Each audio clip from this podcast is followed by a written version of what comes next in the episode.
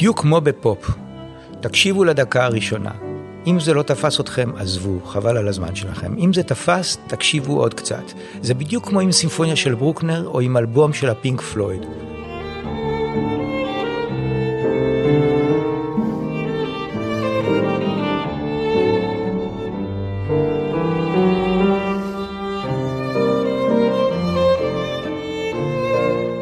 אתם מאזינים לזה קלאסי, אני אסף מעוז.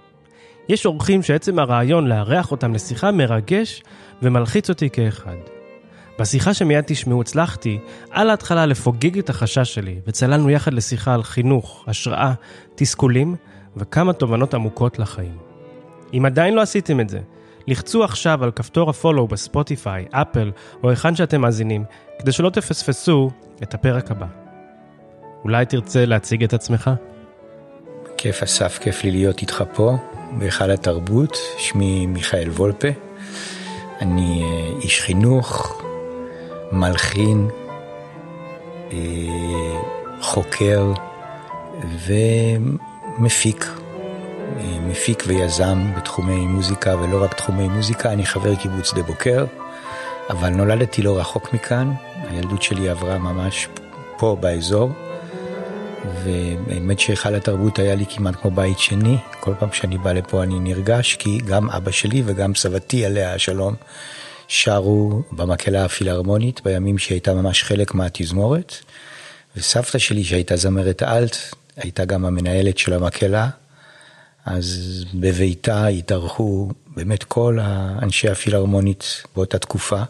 יש לי הרבה זיכרונות מאותן שנים. אני רוצה לשתף אותך ואת המאזינים באיזה סיפור שאולי יבהיר את הרצון העז שלי לארח אותך בפרק.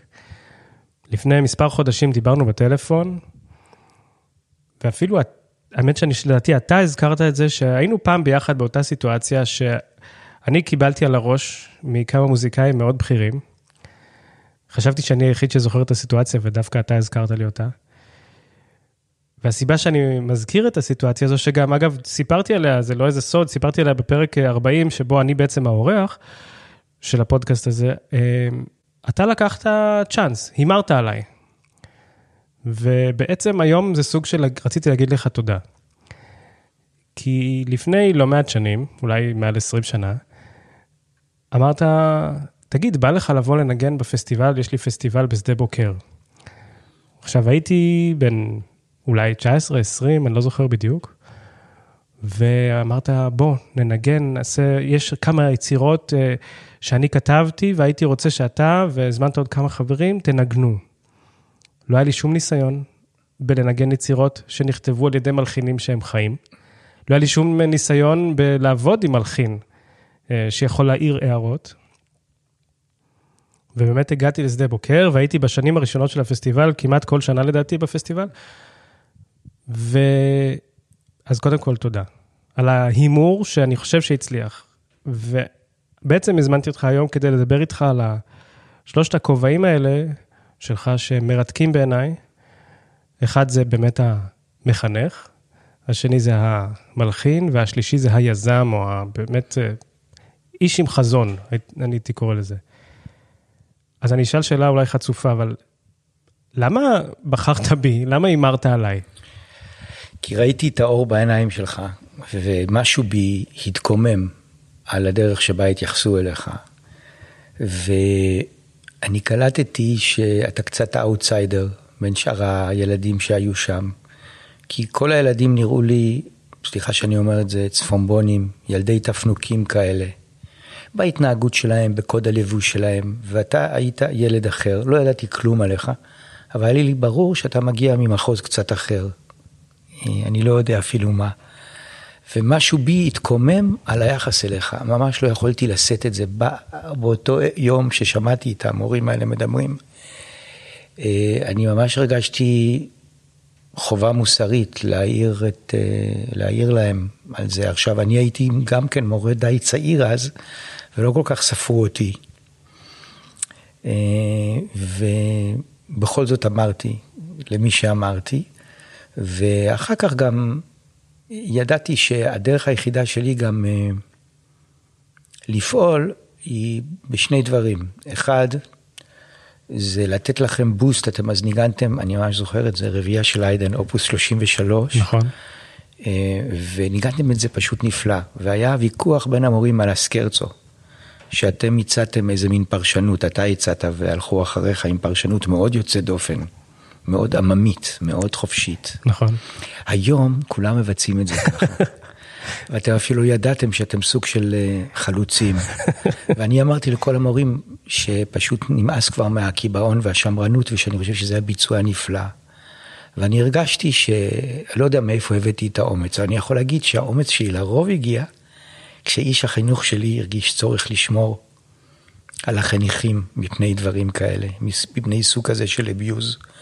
אני חושב שהרבה פעמים מורים פועלים בלי שהם מודעים לזה מתוך קנאה. ואני חושב ששם הייתה הרבה קנאה בתגובה.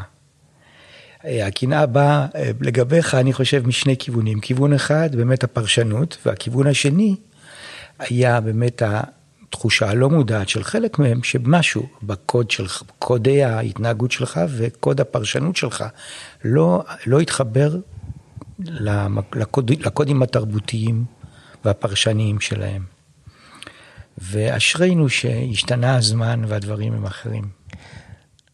אז אני, אני חייב לשאול, כי גם אני הרבה פעמים נמשך לאזור הזה של החינוך. איך אדם קם בבוקר ו- ומרגיש שהוא מחנך, שהוא רוצה לעזור לאחרים, להנחות אחרים בדרך מסוימת? תראה, אני לא יודע בדיוק להסביר את זה, אבל אה, אני לא יודע כמה זמן יש לנו, אז אני בכל זאת אומר משהו שגם קשור קצת להיכל התרבות. אני בן בכור של משפחת, אני בעצם דור ראשון של ילידי הארץ, הנכד הראשון של משפחה שהגיעה לכאן מגרמניה.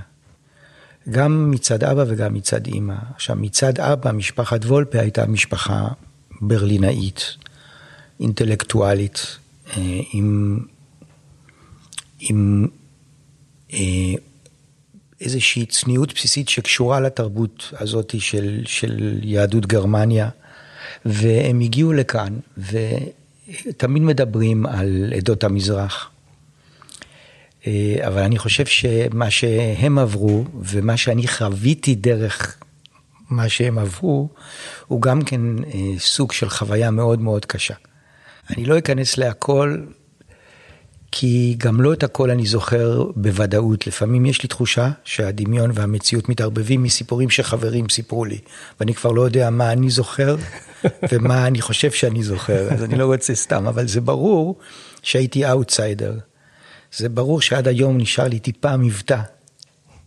מהסבתות האלה שדיברתי איתן בגרמנית, וכשאני ניסיתי להתבטא כמוזיקאי, ונפגשתי עם מוזיקאים שרובם היו אה, מהאליטה הזאת התל אביבית של אותה תקופה, אה, אני חוויתי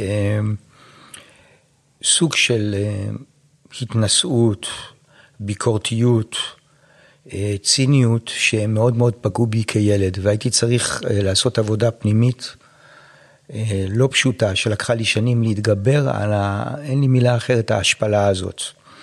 כי לא הייתי מקושר, המשפחה לא הייתה חלק מהמיליה אה, של המוזיקאים הקונצרטיים באותה תקופה, מצד שני, היא גם לא הייתה מחוברת למיליה, למסגרות או, או מין משפחות, קהילות אחרות של מוזיקאים, למשל קהילת הג'אז או קהילת הרוק. אז אני די תמיד, מצד אחד מאוד אהבתי מוזיקה, אבל מצד שני לא כל כך מצאתי את עצמי בשום קבוצה. ואני חושב שדרך האאוטסיידריות שלי, היה לי אה, חיישן מאוד מאוד חזק לעניין הזה. אני גם אגיד שאחר כך עברנו לרחובות. אה, במסגרת השגיאות של משפחת וולפה, אז זאת עוד שגיאה אחת. ולמה? כי אני חושב שאם הייתי נשאר בתל אביב, כנראה הדברים היו מתגלגלים אולי בצורה מאוד שונה מבחינתי. וברחובות ממש חוויתי אה, דחייה חברתית, מכל מיני סיבות. והחברים הקרובים ביותר אליי, והיחידים שהיו לי שם, שאחד מהם הוא חבר טוב שלי עד היום, היו משעריים, היו תימנים. ומהרבה בחינות החוויות שהם הביאו איתם, היו די דומות לחוויות שאני הבאתי איתי. כביכול ממחוז לגמרי אחר, אבל אה, דומה. כש- עכשיו, כל זה אני. מספר, אוקיי. כי בעצם זה מה שיצר אצלי את הרגישות. אני ישר קולט. בכל קבוצה של תלמידים שלי, אני מיד קולט את אותם חסרי ביטחון, או קצת ביישנים, או קצת אאוטסיידרים, או קצת משתחצנים, כי, אין להם חוסר, כי יש להם חוסר ביטחון. ובנות כבנים, כן, אין ברור. הבדל, ואני מאמץ אותם על חיקי ומנסה לדחוף אותם קדימה. יותר מזה אני אגיד שבדור שלי היו המון המון הימנעויות שנבעו, אני חושב, גם מחברת המהגרים הזאת הצעירה וגם מהמון שמרנות של בכלל התקופה. והיום, ו- וכבר מגיל מאוד צעיר, אני הרגשתי צורך לעזור לאנשים הצעירים שהייתי המורה שלהם להשתחרר. ועשיתי את זה בכל מיני דרכים, חלקן בוטות ולא פוליטיקלי קורקט, וחלקן סמויות, אה, כדי, כדי שהם אה, יעברו את השלב הזה כמה שיותר מהר ויוכלו להיות מחוברים לעצמם ולחיות חיים טובים יותר. אני לוקח אותך כמה שנים קדימה, כן, אתה כבר מחנך בבית ספר למצוינות בירושלים, אתה מדעים ואמנויות. מדעים ואומנויות, כן. אתה מלמד באקדמיה בירושלים, עוברים תחת אה, כנפיך אה, מאות תלמידים, אני לא יודע, אולי אלפים, אני לא יודע לספור את זה. אתה מוצא שעם הזמן לתלמידים יש פחות סקרנות, ואתה צריך לעבוד יותר קשה כמחנך כדי אה, לדחוף אותם, כדי לתת להם את הפוש הזה, כדי שיהיו מצוינים, כדי שהם יהיו טובים. לא, אני חושב שיש לי תלמידים נפלאים גם היום. אוקיי. אני חושב שמשהו השתנה בעולם. אה, התפקיד של המורה הוא, הוא, הוא, אני תמיד תפסתי את התפקיד, תפקיד של מחנך ולא רק נותן ידע. אה, ומחנך זה משהו מורכב ו- ו- ומלא דבר, מלא רבדים. אה, אבל התלמידים היום, נכון, שיש להם אורך נשימה יותר קצר, אי אפשר ל- היום ללמד שיעור של אה, פעמיים 50 דקות בתיכון אה, במגמת מוזיקה, זה מאוד קשה. אבל יש דרכים אחרות להגיע אליהם, על ידי למידה עצמית. אה, אם היו, נות... אם אני מדבר, נניח מדברים עכשיו על המשבר של החינוך והשביתות שכן יהיו, לא יהיו, כן, ארגון המורים, הסתדרות המורים, כל זה, אז אם היו שואלים אותי, הייתי מבטל את הבגרות, מבטל את כל השיעורים הפרונטליים, מכנס את כל התלמידים לאולמות גדולים של 100 תלמידים, שישבו, שיקחו, בעצם בונה ספרייה אחת גדולה בכמה קומות, שישבו וילמדו, ושהמורים יעברו ביניהם ויראו מה הם עושים. ומדי פעם יעשו איזה שיעור למי שרוצה לבוא גם לשמוע קצת. והתלמידים שלי בשנים האחרונות, לא רק שהם תלמידים נפלאים, אלא גם אני, אה, תמיד הייתי, אבל בשנים האחרונות אני תלמיד עוד יותר סקרן ללמוד מהם, ובזכות התלמידים שלי אני כל הזמן מעודכן. אני מכיר את שון מנדס ואת בילי אייליש. אני מכיר את היצירות המודרניות שכל מיני תלמידים מגלים לי, של כל מיני מלחינים שהם לאו דווקא במיינסטרים. אני אה, מכיר היטב את הפופ הישראלי החדש, את הפופ המזרחי, וכל הדברים האלה מאתגרים אותי. אני כבר לא מדבר על זה שבשנים האחרונות, כמורה, לא רק כיוצר, אלא גם כמורה, בזכות התלמידים שלי, נעשיתי מאוד מיומן ב Cubase וכמובן Sibelius, Finale, כל הדברים האלה, כל התוכנות שמשרתות מוזיקאי. ומהרבה בחינות, עם הזמן שעובר ועם הגיל שמתקדם והשערות הלבנות שנשארו על הראש, אני דווקא מרגיש שתרומתי לתלמידיי עוד הולכת וגדלה, והתלמידים הם נפלאים.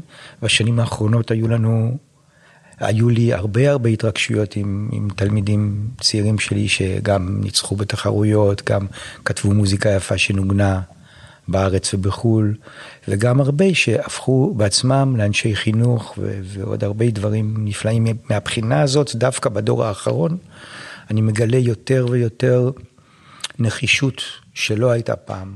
לשנות, אתה, להנהיג, להוביל. איך, איך אתה מצליח אבל להישאר, אתה בא מה, כביכול האסכולה של המוזיקה הקלאסית הגדולה, ואיך אתה מצליח להישאר לא שיפוטי, כשבא אליך תלמיד ואומר לך, תקשיב, שמעתי אתמול נועה קירל וזה מטורף, או לא יודע מה, נונו, ואתה שומע טקסט שכל אחד אחר היה אומר, טוב, מה זה הדבר הזה?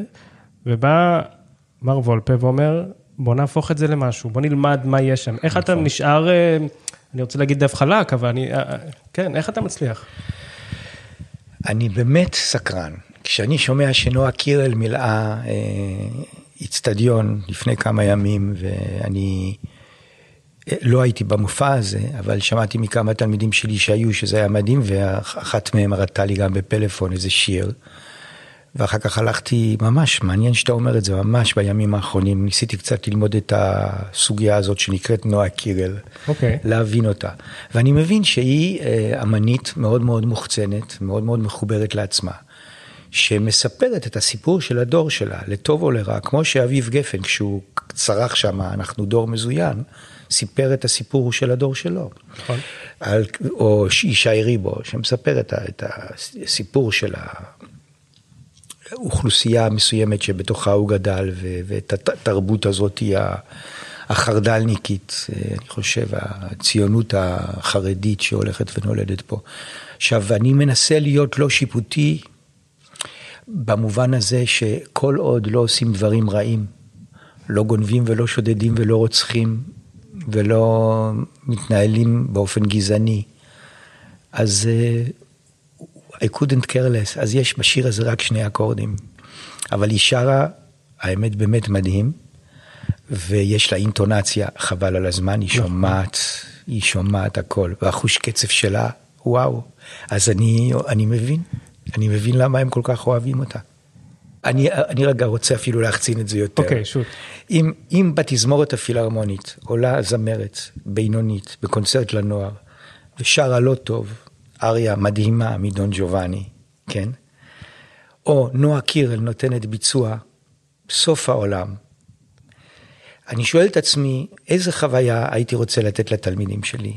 בגלל זה כשאני מביא את התלמידים שלי לפילהרמונית, אני לא רוצה להביא אותם לקונצרטים האלה, של איזה מין ניסיון אה, להגיע אל התלמידים על ידי הורדת הרמה. אני מעדיף לקחת את כל הכיתה שלי, דבר שעשיתי לפני כמה שנים, לזובין מטה מנצח על השמיעית של ברוקנר. Mm-hmm. אחרי שלימדתי אותם על הסימפוניה הזאת עשרה שיעורים, והשוויתי את זה עם פינק פלויד ועם מטאליקה.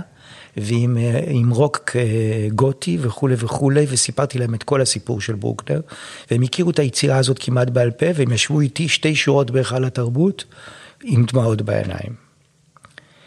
אני, אתה מבין מה שאני אומר? מבחינתי אין הבדל בין ברוקנר טוב לבין הופעה מדהימה ש... של איזשהו זמר רוק אדיר, רדיואט, כשהם באים להופיע פה. אני שומע אותך ואני קצת נעצב, כי הייתי מת שחצי מהקהל שלנו יקבל את השיעורים האלה, ויבואו ו... וייהנו מהברוקנר שמונה, כמו כן, התלמידים שלך. כן, נכון. רק דבר אחד הפריע okay. אוקיי. להם, שהם היו צריכים לשבת. ומה הם היו מעדיפים? כשנסענו בדרך חזרה לשדה בוקר, הם, הם מהתיכון הסביבתי, הדבר העיקרי שהם אמרו לי זה ש... היה להם כיף יותר אם זה היה כמו במסיבת ריקודים או כמו במופע רוק שהם יכולים לעמוד ולרקוד, בעיקר בסקרצו ובפרק האחרון. לרקוע ברגליים, טם טם הפרק האחרון של הסימפוניה השמינית, הם אומרים לי זה רוק כבד, איך אפשר לשבת ככה על הכיסאות, רוצים לקום. רוצים לרקוד עם התזמורת, זה היה הדבר העיקרי שהם אמרו לי. אבל איך יהיה ככמוך היה מאפשר כזה דבר? אני חושב שזה נפלא, מה זאת אומרת? אם זה היה תלוי בי, הייתי שם את הפילהרמונית בפארק יהושע, הקהל מסביב, ועושה דברים כאלה. אני חושב שזה מה שצריך לקרות בסופו של דבר, אנחנו צריכים לבטל את הפרונטליות. אני, אני מיד חוזר לאמירה הזאת, כי אני, אני לגמרי איתך. כן. ואני מנסה להבין, אתה אדם ששורשי מאוד, בעיניי מאוד ישראלי. אתה כן. חקרת את המוזיקה ש, של פה, של... כן, של בין השאר, כן. אתה, אתה הבאת את כל השורשיות הזאת למוזיקה שאתה כותב, שאתה מלחין. כן.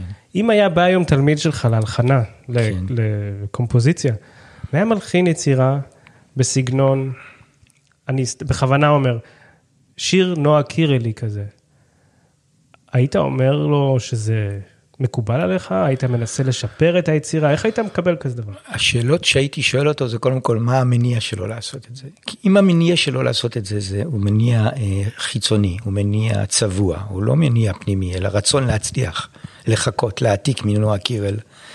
זה קצת אה, מאכזב, אבל אם הוא גילה שם איזה שהם מרכיבים ריתמים מעניינים, והוא עכשיו מפתח אותם, ככה שהם יתאימו לתזמורת סימפונית, אז זה נפלא, ויותר מזה, אם יש לי, אם יש, והייתה לי תלמידה באקדמיה, שהיא הייתה זמרת שבאה בעצם מהאזור הקלאסי יותר, ופתאום גילתה דברים חדשים, ואגב לא סיימה את האקדמיה והפכה להיות נועה ארז. אז אה, זאת אומרת, זה יכול ללכת לשני הצדדים, אני ראיתי הכל, אני ראיתי תלמידים שמגיעים מהרוק והפופ ומגלים את המוזיקה הקלאסית, ובסוף אני רואה אותם יושבים באיזושהי תזמורת, מנגנים טרומבון, או כותבים רביעיית כלי קשת. וראיתי אנשים שבאו מהקלאסי, ודרך התהליך שעברנו, הם פתאום הבינו שהם רוצים בכלל להיות במקומות אחרים לגמרי, לכתוב מוזיקה לסרט או לנגן גיטרה אצל ברי, בלהקה של ברי. זה הכל סיפורים אמיתיים. אבל אז עכשיו אני חוזר למיכאל המלחין ולא כן. מיכאל המחנך. כן. דיברנו על, על התלמידים שלך שהם מקורות השראה, אבל מה מקורות ההשראה שלך היום כשאתה יושב, או ישבת, לא יודע כמה אתה כותב היום, מה נותן לך השראה? אז קודם כל, אם אתה לא יודע כמה אני כותב, אני כותב כל הזמן, אני כותב יותר מבעבר. אה, לצערי, אה, לא מבצעים את המוזיקה שלי כפי שהייתי, אה, כפי שציפיתי, בוא נאמר ככה, אבל אני חי עם זה בשלום, אני לא... אני רק מציין את העובדה הזאת. אוקיי. Okay. אה, אז אני לא, אולי נדבר על המוזיקה שלי אחר כך, אבל אה, בהקשר הזה, מקורות ההשראה שלי, ובכלל האופן שאני כותב הוא לא מודע. זאת אומרת, אני לא, אני יכול בדיעבד להגיד לך מה מקורות ההשראה, אבל כשאני כותב אני לא שואל את עצמי את השאלות האלה, זה הכל ספונטני לגמרי, אני יושב ליד הפסנתר, מאלתר, או יושב מול הדף וכותב, או שומע משהו וכותב, יש כל התהליכים האלה הם תהליכים מיסטיים, אני אגיד יותר מזה, כשאני מסיים יצירה, כמה ימים אחרי זה, אני לא מצליח לשחזר את התהליך, הרבה פעמים אני יושב מול פרטיטורה של 80 עמודים, ואני אומר, רגע, איך, אני לא זוכר, איך, איך, זה קרה? איך זה קרה? אני לא יודע, לא יודע להסביר את זה. שמעתי לפני כמה ימים שיחה עם שלמה ארצי, והוא סיפר על תהליך הכתיבה שלו שדומה למה שאתה מתאר, משהו מאוד מיסטי. כן. אבל אחר כך הוא ציין איזה משהו ש... שהפתיע אותי, והוא אמר, אני כותב משהו, אני יודע שהוא טוב, ואז נכנסים לאולפן, ואני עושה אותו, אני הופך אותו ללהיט. כשאתה כותב יצירה, עם 80 דפי פרטיטורה, כן. זה חשוב שהיא תהיה להיט, או חשוב כן, שהיא תהיה... כן, חד משמעית. אוקיי, איך, איך עושים? לא, רגע, אז אני רוצה להגיד פה משהו. זאת הטרגדיה הכי גדולה של הקריירה שלי. אם מדברים על זה, אפרופו, אנחנו יושבים פה בפילהרמונית. וסליחה, אני אהיה קצת בוטה. קדימה. נמאס לי מהפלצנות המודרניסטית. מה זה אומר? אני אסביר. הפלצנות המודרניסטית אומרת שיצירה צריכה להיות אה, לפי איזשהו זרם אופנתי, של אותו זמן, שמאיזושהי סיבה יש לו הלך רוח, יש לו גם כוח פוליטי. הזרם המודרניסטי הזה, מזה שנים הוא מאוד לא פלורליסטי, הוא לא מקבל את האחר, אפרופו מה שהתחלנו עליו בשיחה, בתחילת השיחה. כן. והתוצאה שמתקבלת היא שיש מספר אה, ישויות, הייתי אומר כמעט טוטליטריות בעולם של המוזיקה האמנותית, למשל, פייר בולז לאורך שנים הכתיב קו, ומי שלא לא הלך, הלך בזרם, אה, מצא את עצמו בבעיה רצינית מאוד, לא ניגנו אותו, היה עליו חרם.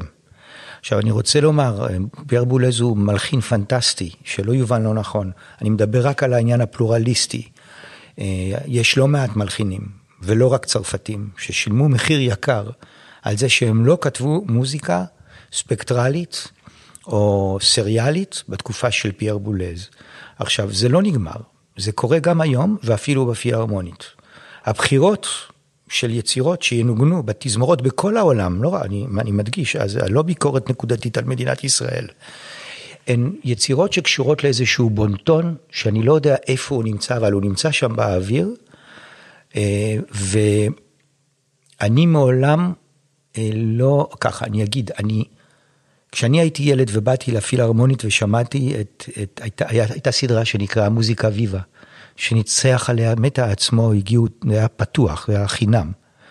והיו מגיעים אנשים, לא הרבה, היכל התרבות היה אולי חצי מלא, בעיקר בכל מיני אנשים או מאוד מאוד קנאים למוזיקה מודרנית, או סקרנים כמוני, ולא רבים.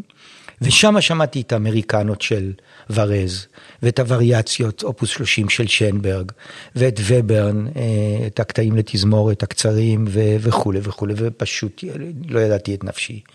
אבל אז יום אחד, בפילהרמונית גם, באולם הזה, ניצח נועם שריף, לא זובין מתה, וזה מאוד משמעותי, כי זובין מתה למיטב זיכרוני לא ניצח על זה אף פעם, ניצח נועם שריף על בילי הנער של קופלנד. ואני הייתי בהלם מיופייה של המוזיקה הזאת. ויצאתי עם שאלה, הייתי אז בן 15, שאלתי את עצמי, למה בעצם לא ביצעו את בילי הנער יחד עם הוורז האמריקנות? זה היה הפעם הראשונה שהדבר הזה הדהד בי חזק מאוד, הפריע לי. כי בעצם, להפך, ש... כאילו, למה אין את החשיבה הפלורליסטית הזאת? עכשיו, אני אחזור אליי. בדיוק. היצירות שלי, ברובן המכריע, כשהן מנוגנות, הקהל מאוד אוהב אותן. ברוב המקרים אני עולה יותר מפעם אחת לבמה, כשמסתיימת היצירה. אבל אני לא התקבלתי על ידי הממסד.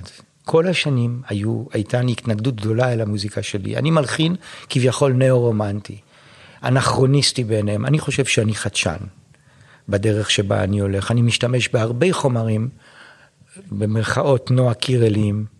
זהו, יש בך אלמנט מאוד, uh, שכמו בלה ברטוק, שאסף כן, את נכון. שירי העם, את שירי המורשת אז... המקוריים, העממיים של, של השטח, של האדמה של אצלו במדינה אחרת, נכון. שלך פה. נכון. ואתה מכניס אותם ל, ליצירות שלך. כן. אז היצירות שאתה ניגנת, אסף, היו עוד קשורות לזמר העברי. נכון. אבל היום, ביצירות החדשות שכתבתי, הפואמות האחרונות שלי לתזמורת, יש כבר אלמנטים ברורים מאוד של, אה, גם של רוק כבד, גם של מוזיקה אתנית, מוזיקה אנדלוסית, היצירה מזרח שעשו בקמרטה, שהצליחה מאוד, שם גם ניסיתי לבטל את הפרונטליות, ובסוף היצירה המנצח פונה אל הקהל, מלמד אותו שיר תוך כדי שהתזמורת מנגנת גרוב, וכל הקהל שר עם התזמורת. גדול. כי אני באמת מחפש כל הזמן דרכים חדשות לייצר את הלהיטים, את הלהיטים. ש... ואני יודע שאם הייתי חי, אם הייתי מלחין בריטי, זאת המדינה, אחת המדינות היחידות שהיא יותר פלורליסטית, אין לי שום ספק, סליחה על חוסר הצניעות, שיצירה כמו מזרח הייתה מגיעה לפרומס. אבל עכשיו יש לי את השאלה הקנטרנית המתבקשת. אלברט הול, כן. אני, אני חייב לשאול את זה. אתה לא חושב שפה זה הביצה והתרנגולת שהמלחינים, אני עכשיו בכוונה מדבר על המלחינים הישראלים, כן. ואני אומר מילה לא טובה, אבל השניאו או הקצינו את היצירות לרמה כזו שהקהל, כשהוא רואה את שמו של וולפה או כל אחד אחר, אומר, טוב, יצירה ישראלית, אני לא בא. נכון. אבל אני חושב שמי שאשמים בזה, זה קודם כל המנהלים של התזמורות, כולל זובין מטה. מה זובין מטה עשה כאן כל השנים? פעם אחת הוא עשה דובי זלצר, איזו יצירה לזכרו של רבין, או את סטמפניו, כי זה, כאילו, התייחסו אל דובי זלצר כמלחין שבא מהתעשייה, אז יאללה, שיהיה לסמן וי, זה כמו הפילהרמונית בג'ינס. אבל כל היצירות האחרות שבוצעו כאן, ואני באמת לא, לא אמנה שמות, אני רק מזכיר, שעד שבא להב שני, למשל הפילהרמונית לא ניגנה את הסימפוניות של בן חיים. עכשיו, כשלהב שני עשה את הראשונה של בן חיים, ואני כל כך התרגשתי, גם כתבתי לו מכתב נרגש. אבל אני מחפש את ההמשך, אני רוצה שתהיה עכשיו השנייה, ושיהיה נעים זמירות ישראל, ושיהיו היצירות של בוסקוביץ' ושל uh, קמינסקי, שהיה כנר של התזמורת הזאת, נכון. וכתב יצירות נאו-רומנטיות לגמרי, ואיפה חיים אלכסנדר עם המחולות הישראלים? ואנדרה היידו עם תרועת מלך שגיורא פיידמן ניגן עם הפילהרמונית בפרימיירה והקהל, אני הייתי בפרימיירה הזאת, הקהל עמד על הרגליים וצעק כמו במופע רוק, בראבו. ולא לא ניגנו את זה אחר כך, ואני הסתכלתי על מטה, מטה ניצח על היצירה הזאת, הסתכלתי עליו מהצד, הוא היה נבוך. הוא היה נבוך. עכשיו, ברור שכשמבצעים יצירות אחרות של מלחינים, שאני לא אציין את שמם, כי דרך אגב, חלקן יצירות מצוינות, אבל לגמרי במיינסטרים האטונאלי, בסוף הקהל מפתח אנטגוניזם, כי זה it most of the same. אני קורא לזה הסגנון האנונימי. סגנון אנונימי זה מצב שבו המלחין מיישר קו על טכניקות מסוימות, שמייצרות סוג מסוים של אווירה, ואז הכל נשמע אותו דבר. חברי הטוב אייל אדלר, שהוא מלחין ספקטרלי ענק, גאוני, אני מעריץ אותו. הדבר הנכון ביותר בשביל אייל אדלר, בשביל אייל, זה שאני אהיה על ידו, שאנחנו נהיה באותו קונצרט, ולא עוד שני אייל אדלרים פחות טובים ממנו. כי אז מה שקורה, הכל באמת most of the same. ויותר מזה, כשאני ניהלתי את חג המוזיקה הישראלית, והתחלתי להביא את בן חיים, לא ויתרתי על יוסף טל או על אריק שפירא, אבל עשיתי אריק שפירא עם קורין אלעד ששרה ארבעה שירים באותו קונצרט.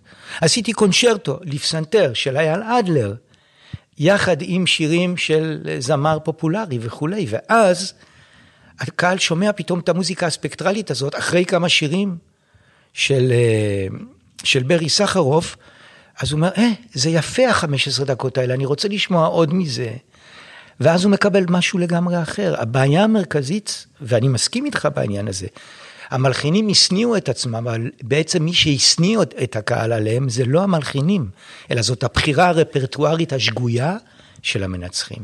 היה זו, לי על זה לפני לנצח... כמה שנים שיחה, עם, אה, לפני הרבה שנים כבר, שיחה עם ליאונרד ברנשטיין, עליו השלום, כשהייתי בטנגלווד. להגיד היה לי שיחה, זה אולי קצת מוגזם, היינו כמה סטודנטים ודיברנו איתו, זה שנה לפני מותו. כל מה שאמרתי לך עכשיו זה פחות או יותר ציטוט של ליאונרד ברנשטיין. ליאונרד ברנשטיין זעם על חבריו המנצחים, על הבחירות הרפרטואריות שלהם. הוא אמר, אני זוכר, הוא אמר, אני עשיתי קרטר יחד עם קופלנד, למה לא כולם עושים קרטר יחד עם קופלנד? והוא הזכיר בין השאר את ברנבוים, שזה מוזיקאי שאני מעריץ, שהבחירות האסתטיות שלו הן חד-ממדיות, הוא רק שם. ולצערי הרב, מבין המנצחים הצעירים, שחלקם היו תלמידיי, אני רואה את אותה בחירה מתמשכת, ואני רב איתם על זה המון. אני הזקן, עם הצעירים. אבל אם אתה, עכשיו יש לך את הבמה, כן. לפנות לקהל המאזינים של הפודקאסט ולהגיד כן. להם, חבר'ה, כשאתם רואים שם של אייל אדלר, או גלעד הוכמן, או מיכאל וולפה, או אביה קופלמן, יש עשרות שמות. בואו תקשיבו, זה לא כזה נורא. איך, איך עושים את זה? מאוד פשוט. צריך בדיוק כמו בפופ. תקשיבו לדקה הראשונה. אם זה לא תפס אתכם, עזבו, חבל על הזמן שלכם. אם זה תפס, תקשיבו עוד קצת. זה בדיוק כמו עם סימפוניה של ברוקנר או עם אלבום של הפינק פלויד. צריך סבלנות לשמוע את, את, אה, את, אני יודע מה, Shine you crazy diamond של הפינק פלויד פעם ראשונה למי שלא מכיר, או את הסימפוניה התשיעית של ברוקנר. אבל מי שהדקה הראשונה מצא חן בעיניו, אז שישמע בפעם הבאה שלוש דקות, ובפעם הבאה שבע דקות. אותו דבר עם המוזיקה של מיכאל וולפה, או כל דבר אחר. אני יכול להגיד לך ש... האושר הגדול שלי הוא שאומנם לא הרבה אנשים, אבל כמה אלפי אנשים שמכירים את המוזיקה שלי, מכירים אותה, איך אני יודע? אני פוגש אנשים ששרים לי מנגינות מהיצירות שלי.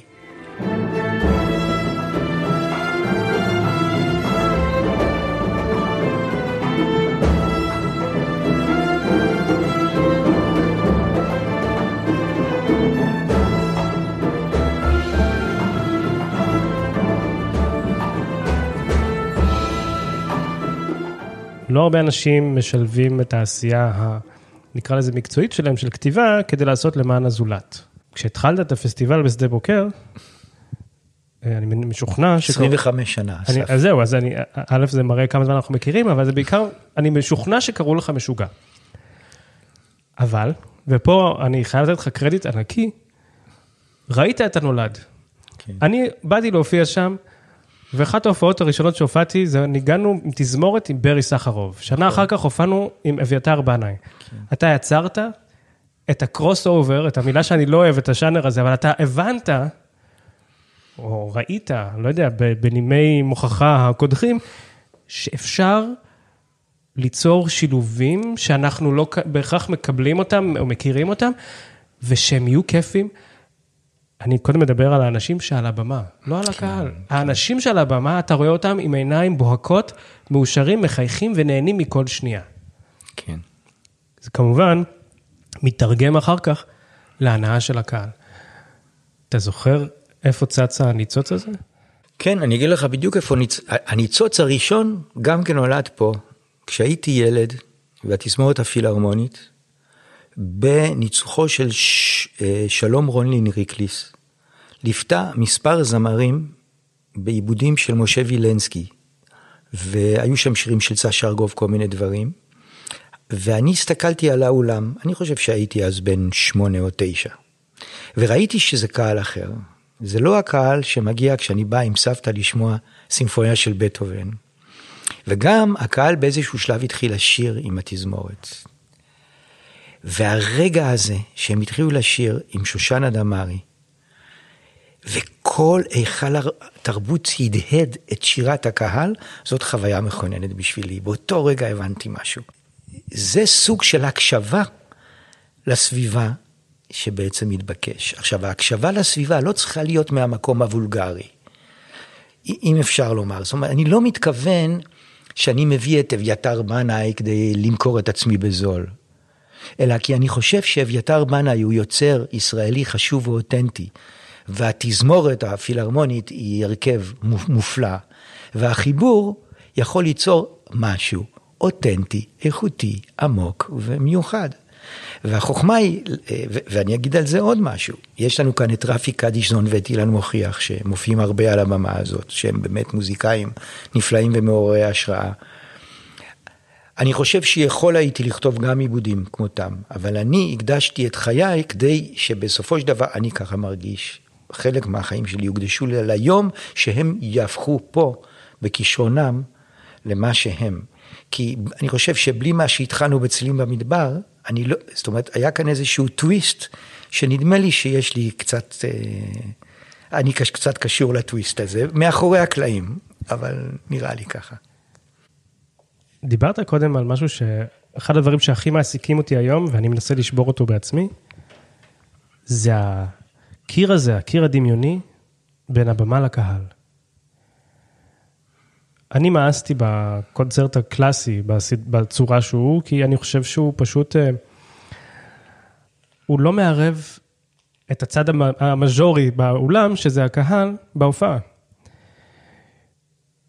ועכשיו אתה בתור האיש החכם שיושב פה, אולי תעזור לי להבין מה הדרך, או איך אני צריך לפעול היום כדי לקרב את הקהל, כדי שהקהל לא יחשוב, הנה הרביעייה, הנה התזמורת יושבים פה, ואנחנו עכשיו בשקט. אני, אני אגיד על זה שני דברים. הדבר הראשון, אני אתחיל דווקא מהמקום של הסמכות. אני היום מנהל שני פסטיבלים, פסטיבל פסנתרים בתיאטרון ירושלים וצלילים במדבר. ניהלתי את חג המוזיקה הישראלית שש שנים. כשהייתי מנהל חג המוזיקה הישראלית, אני חושב שאני לא אגזים אם אני אומר שלא היה מצב שמלחין או נגן פנה אליי ולא קיבל תשובה, רצוי באותו יום. וגם לא הייתה אף פעם תשובה של לא לפני שישבתי וניגנתי את הפרטיטורה של המלחין, או הקשבתי להקלטה של הנגן. הקשבת עומק, כי זה התפקיד שלי. לצערי הרב, הרבה מאוד מנהלי תזמורות ונגנים ראשיים של תזמורות ונגנים ראשונים של רביעיות כלי קשת מסתפקים קשרים עם האנשים שהם מוכרים להם, הם נשארים באזור הנוחות. זה בסדר לנצח על מוזיקה של חבר שלך שלמדת איתו באקדמיה, או של מי שהיה המורה שלך באקדמיה, או בהמשך על תלמיד שלך. אבל זאת חוכמה קטנה מאוד. אני הבאתי לצלילים במדבר אנשים שלא הכרתי בכלל, רק דרך המוזיקה שלהם.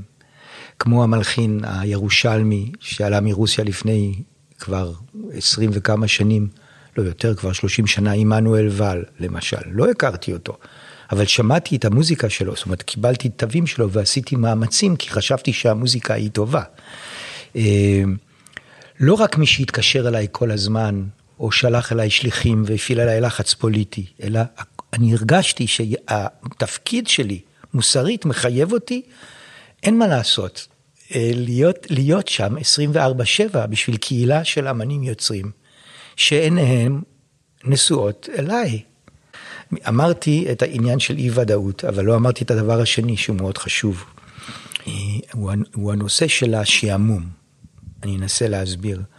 אחד הדברים שמאוד קשה לנו איתם, הוא להתמודד עם סיטואציה של חוסר עניין.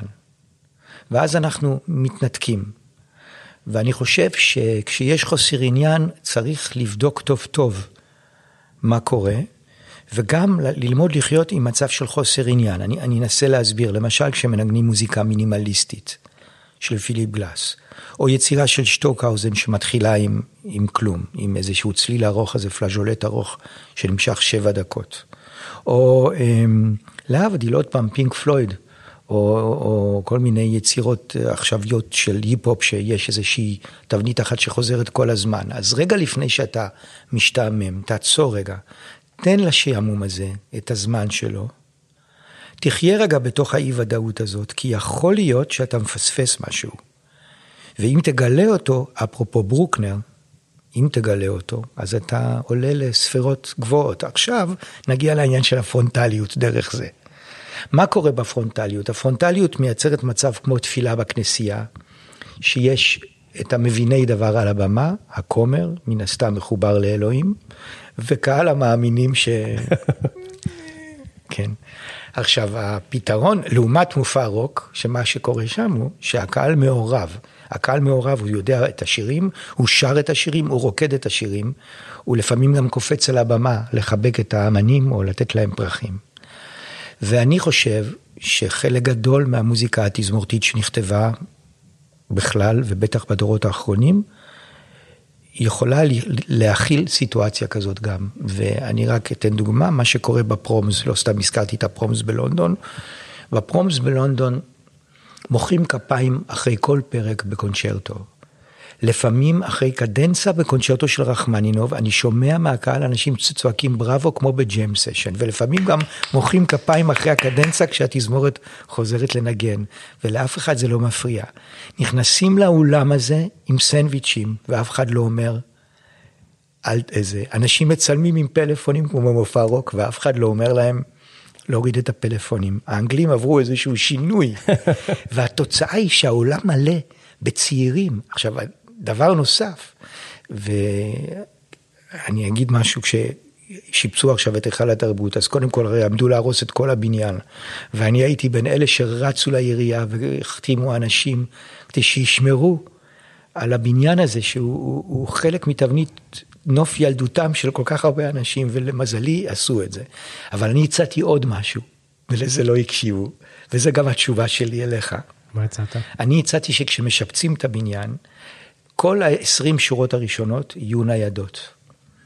ושינסו מדי פעם לעשות מופעים שבהם יעמדו שם צעירים שיוכלו לרקוד ולשיר עם התזמורת. ואני חושב שזאת הדרך, כי ברגע, וכמובן שהקהל יעמוד, לא רק, בסדר, יהיו גם ישיבה, מקומות ישיבה, אבל יהיו גם מקומות לעמוד, וזה יהיה לגיטימי לרקוד ולשיר, ואנשים שזה יפריע להם במטותא מהם שלא יבואו לקונצרט הזה, אלא יבואו לקונצרט המעונב הרגיל.